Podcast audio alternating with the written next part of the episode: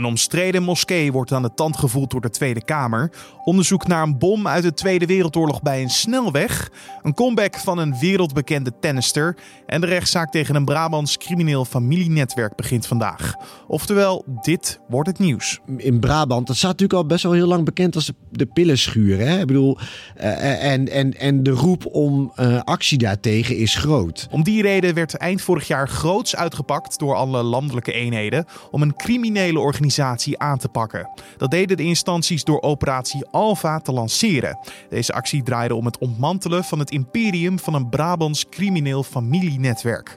Wat er toen allemaal werd gevonden tijdens deze operatie en hoe de rechtszaak er nu uit gaat zien, dat hoor je zo van rechtbankverslaggever Joris Peters. Maar eerst kijken we naar het belangrijkste nieuws van nu. Mijn naam is Carne van der Brink en het is vandaag maandag 17 februari.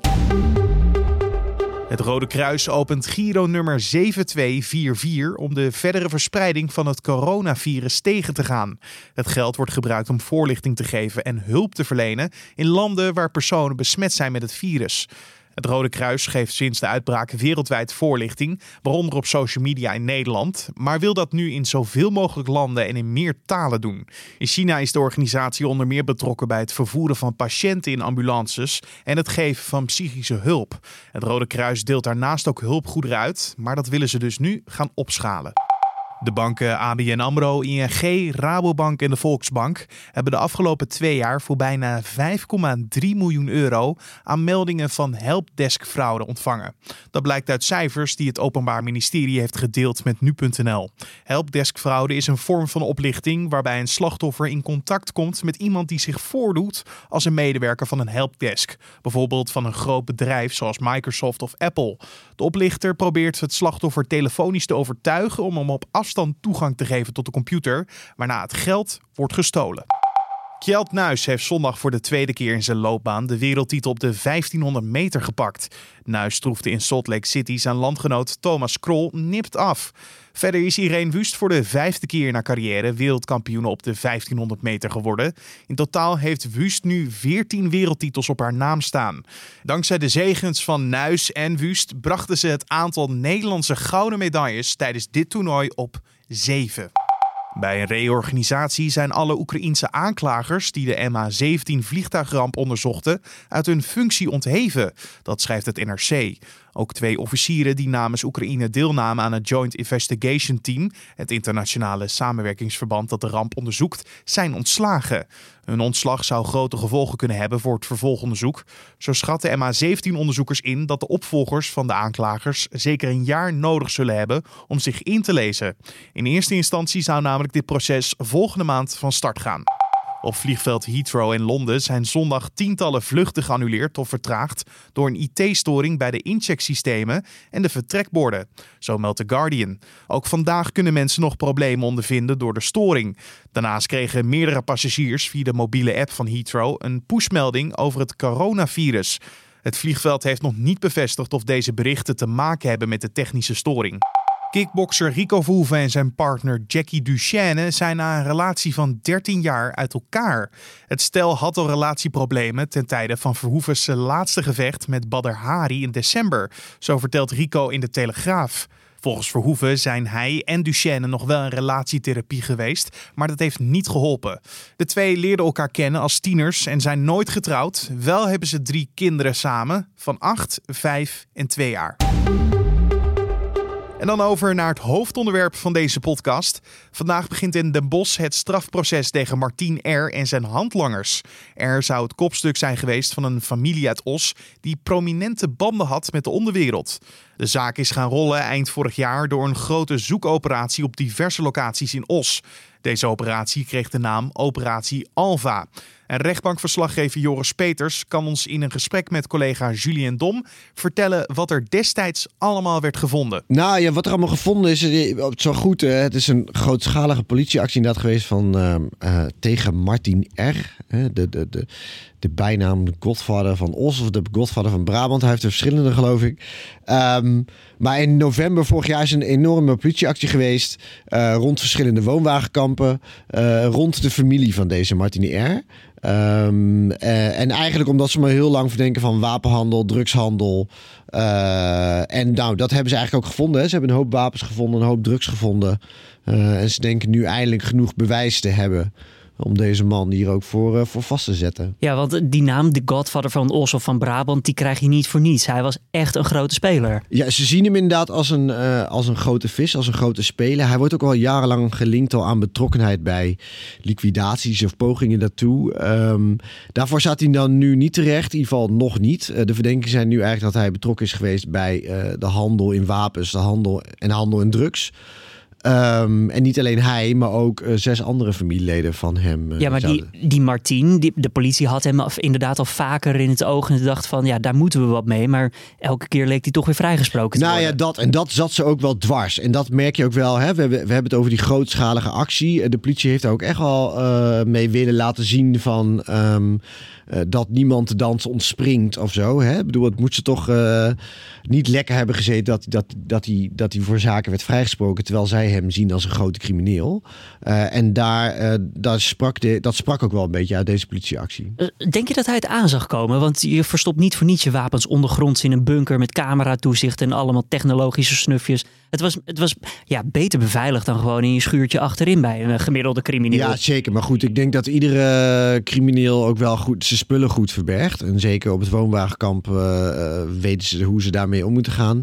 Uh, zag hij het aankomen? Nee, dat denk ik niet. En vooral door uh, nou, zoals ik al zei, we hebben met een woonwagenkamp te maken. Het is vaak een gesloten uh, omgeving. Daar kom je niet zomaar tussen. Niet met infiltranten of met andere uh, mensen. Het is Autoriteiten ook nog hebben sowieso moeilijke problemen om daar belasting te Zeker, ja, je valt gewoon op. Hè? Ik bedoel, ja, het is niet dat je er even... Je bent een outsider. Ja, het is ook nog eens een keer een familiebedrijf. Ik bedoel, het gaat hier om zeven familieleden. En de achtste is nog voor het vluchten. Dus dan zijn ze nog naar bezoek. Uh, dus ja, weet je wel, het onderlinge vertrouwen is groot. En, en in buitenstaanders een stuk minder. Um, maar juist nu, ze hebben nu uh, uh, afluisterapparatuur weten in te zetten. En daarmee denken ze inderdaad er genoeg bewijs te hebben verzameld. Wat voor bewijs is er dan? Afluisterapparatuur zeg je. In hoe, waar moeten we dan aan denken? Nou ja, de afluisterapparatuur, blijkbaar hadden ze een, ergens een plek waar ze veel overleg hadden. Dat was op een van de kampen. en daar schijnt de politie inderdaad afluisterapparatuur te hebben kunnen plaatsen. En daarmee dus een gesprek te hebben gevolgd. Um, welk bewijs daar precies uit is gekomen, dat weten we nog niet zeker. Maar goed. Krijg je dat te horen? Ik denk dat we dat vandaag wel te horen krijgen. Uh, maar je, het is wel natuurlijk een inleidende zitting, nog niet een inhoudelijke behandeling. Maar uh, ik verwacht dat we daar wel wat te horen krijgen. En ook de verdediging is natuurlijk aanwezig, dus die zal daar ook wel op ingaan. Uh, en de harde bewijzen zijn natuurlijk inderdaad was wel de vondst van wapens en de vondst van drugs. En dan is het nu aan het Openbaar Ministerie om hun daar ook aan te linken. Dat achtste familielid die nog voor het vluchtig is, ja. wordt verwacht dat hij wel in Nederland is? Of? Dat heb ik gevraagd en daar kunnen ze geen uitspraak over doen. Dus inderdaad, be bevindt hij nog in Nederland of zit hij in het buitenland, daar doen ze geen uitspraak over. Nou is het niet ja, heel vreemd om te denken dat als er een crimineel vacuüm ontstaat doordat je iets weghaalt, dat iemand anders het opvult, dat gat. Is justitie daar niet bang voor? Doordat ze nu deze mensen van de straat halen, ja, dat iemand anders gewoon vrolijk verder gaat? Nou, dat, ik weet niet of je, of je dat zo één op één kan koppelen. Hè? Ik bedoel, dat natuurlijk, uh, er zal altijd handel en drugs zijn. Er is altijd criminaliteit. Het is gewoon een kwestie van vraag en aanbod. Dat is een kwestie van vraag en aanbod. Ja, maar kijk, je hebt wel in, in, in Brabant, dat staat natuurlijk al best wel heel lang bekend als de, de pillenschuur. Hè? Ik bedoel, uh, en, en, en de roep om uh, actie daartegen is groot. Regelmatig dat we schrijven over weer een drugsafval vondst ja. in Brabant in een van de bossen langs de, langs de weg. Ja, nou goed. En zoals ik al zei, deze familie zit daar al jarenlang. En hè, dus dat hoe langer zij onaantastbaar zijn, hoe meer ook die uitstraling die ze hebben, dat is natuurlijk alleen maar negatief. Dus de politie wil ze uh, hard aanpakken. En ze, ze zien gewoon al een tijdje een aantal criminele organisaties die actief zijn in Brabant. Waarvan dit een uh, van de grotere is. Uh, en daarom zetten ze hier zo hoog op in. Oftewel, andere families, andere criminele organisaties of woonwagenkampen moeten ook nog ja, mogelijk een bezoekje verwachten van nou, de politie. Ja, of die nou gelijk weer een woonwagenkampen gaat, dat weet ik niet. Maar andere criminele organisaties, natuurlijk, ja, het succes hiervan, in ieder geval, hè, de rechter moet alles nog wel bepalen, maar het succes hiervan, dat zal de politie wel gebruiken inderdaad om ook uh, verder te gaan tegen andere uh, criminele organisaties in, in het Brabants. Ja, deze familie, daar wordt even een voorbeeld van gemaakt. Ja, ik denk dat het wel. Uh, nou, het wordt er geen voorbeeld van gemaakt, maar het is wel belangrijk inderdaad voor de buitenwereld om te laten zien ehm, dat misdaad niet ongestraft blijft. En ja, daar zeg je het eigenlijk, niet ongestraft. Wat voor straf zal er dan mogelijk boven het hoofd hangen van deze mensen? Ja, dat is lastig, want we- we- we- ze worden gekoppeld aan bijvoorbeeld Martin R. aan, aan cocaïnetransporten van 1500 kilo en 300 kilo. Wapenhandel, criminele organisatie. Om wat voor bedragen gaat dit dan, zo'n handel? Eh, Is daar iets over te zeggen? Wat, wat, zou, wat is een straatwaarde? Nou ja, dat gaat wel om miljoenen. Zeker als je met, te maken hebt met een 1500 kilo. Nou, dan ga je richting de 80 miljoen euro. kan eh. dat ook ergens teruggevonden worden of teruggehaald? Nou, nee, die, die partij cocaïne is onderschept. Oké, ja, ja, ja. Dus die is in augustus eh, in Antwerpen, augustus 2018 zeg ik even, in Antwerpen onderschept. In 300 kilo ook. Dus wat dat betreft. Maar inderdaad, eh, dat is natuurlijk ook een belangrijk onderdeel van zaak tegenwoordig. Hè? Dat als je eh, kan aantonen wat voor opbrengsten deze criminele organisatie eh, heeft gehad, eh, dat ze dat, dat geld ook proberen af te pakken. Wat zou de verdediging zeggen van deze familie? Die hebben natuurlijk ook een praatje klaarstaan. Ja, die proberen dat natuurlijk wel het beeld een beetje te normaliseren. Hè? En, en de, die termen die wij ook gebruiken, zoals Godfather van, van Brabant en zo, daar, daar moet de, de verdachte zelf ook een beetje om lachen. Ehm, eh, dus de, de, de verdediging hamert er eigenlijk op van, van het, het, het wordt met veel bombarie aangekondigd. Camerateams eh, mogen erbij zijn. Hè? We hebben allemaal de beelden gezien en de foto's voorbij zien komen. Eh, maar laten we eerst maar eens even rustig afwachten hoeveel bewijs er eigenlijk allemaal is. eh, en wat er allemaal te koppelen valt dan aan- aan deze familie. Bij het Marengo-proces, eh, ook een, ja, wat ook gaat over georganiseerde criminaliteit, grootschalig. De officiers van justitie komen daar niet meer met naam en toenaam eh, in de publiciteit. Dat willen ze niet. Zien we ook zulke praktijken nu bij deze zaak, wat ook om grootschalige criminaliteit gaat? Ja, de officieren van justitie hebben daar zelf wel om verzocht. En die zullen dan ook niet in beeld worden gebracht. Eh, normaal gesproken mag dat wel. Er is een zogenaamde persrichtlijn waar de media zich aan eh, houdt. Maar ook de rechtbank heeft zich daar aan te houden. De rechter wijkt daar in dit geval van af. eh, omwille van. Sorry? In hoeverre? Nou, dat ze de officieren justitie niet mogen opnemen. Eh, ze willen liever ook niet met naam en toenaam worden genoemd in de, in de stukken die we schrijven. Eh, ik weet nog niet zeker of dat nou verplicht wordt opgelegd. Ehm, maar dat zie je wel steeds vaker terugkomen. Kijk, deze zaak tegen deze familie is begonnen met eh, als aanleiding omdat er vanuit deze familie ernstige bedreigingen zouden zijn geuit. Eh, dus ze zijn bang eh, dat, dat die nog steeds aanwezig zijn en ook dan eh, tegen deze officieren van justitie gericht zullen worden. Ehm, de vraag is alleen een beetje of het zin heeft. Ik bedoel, zo'n rechtszaak is openbaar. Iedereen mag er komen. De verdachten zitten in de zaal. Ehm, ehm, ja, dus ik vraag me gewoon een beetje hardop af. Ik bedoel, waarom heeft het voor zin? En, en, en moeten we nou met z'n allen wel deze kant? Ja, een vraag die we misschien de volgende keer uitgebreid moeten behandelen. Je hoorde rechtbankverslaggever Joris Peters in gesprek met mijn collega Julien Dom. En dan kijken we nog even wat er verder op de agenda voor vandaag staat. Bestuurders en ex-bestuurders van de omstreden moskee As Souna in Den Haag worden ondervraagd door de Tweede Kamer. Een speciale Kamercommissie onderzoekt de financiering van islamitische gebedshuizen in Nederland. De belangrijkste vraag daarbij is of er sprake is van ongewenste beïnvloeding via geldstromen uit het buitenland. De verhoren duren tot 20 februari en het rapport van de commissie wordt eind april verwacht. De explosieve opruimingsdienst Defensie doet onderzoek naar een Duitse vliegtuigbom uit de Tweede Wereldoorlog. Die werd aangetroffen tijdens werkzaamheden voor de verbreding van de A1 bij Deventer. Door het hoge grondwaterpeil kon destijds niet worden vastgesteld hoe het explosief het beste onschadelijk kan worden gemaakt. Naar verwachting zal de snelweg worden afgesloten voor de ruiming, die op zondag 8 maart moet plaatsvinden. En de 36-jarige Kim Kleisters maakt in Dubai na ruim zeven jaar haar rentree op de tennisbaan. De viervoudig Grand Slam winnares staat in de eerste ronde van het WTA-toernooi tegenover de Spaanse Garbine Muguruza. Het fenomeen van een comeback is voor Kleisters niet onbekend, want dit is de tweede keer dat ze terugkeert. In 2009 maakte ze al eens haar rentree. Ze zou in Dubai eigenlijk tegen Kiki Bertens spelen, maar de Nederlandse trok zich terug. Het toernooi past namelijk niet meer in haar programma. En dan nog even het weer. Vandaag komt aan het begin van de dag de zon even door. Later kan het bewolkt zijn. Er staat een matige tot krachtige zuidwestenwind en het wordt gemiddeld 10 graden. In delen van het land kan het ook stevig gaan regenen met kans op hagel, onweer en zware windstoten tot circa 45 km per uur.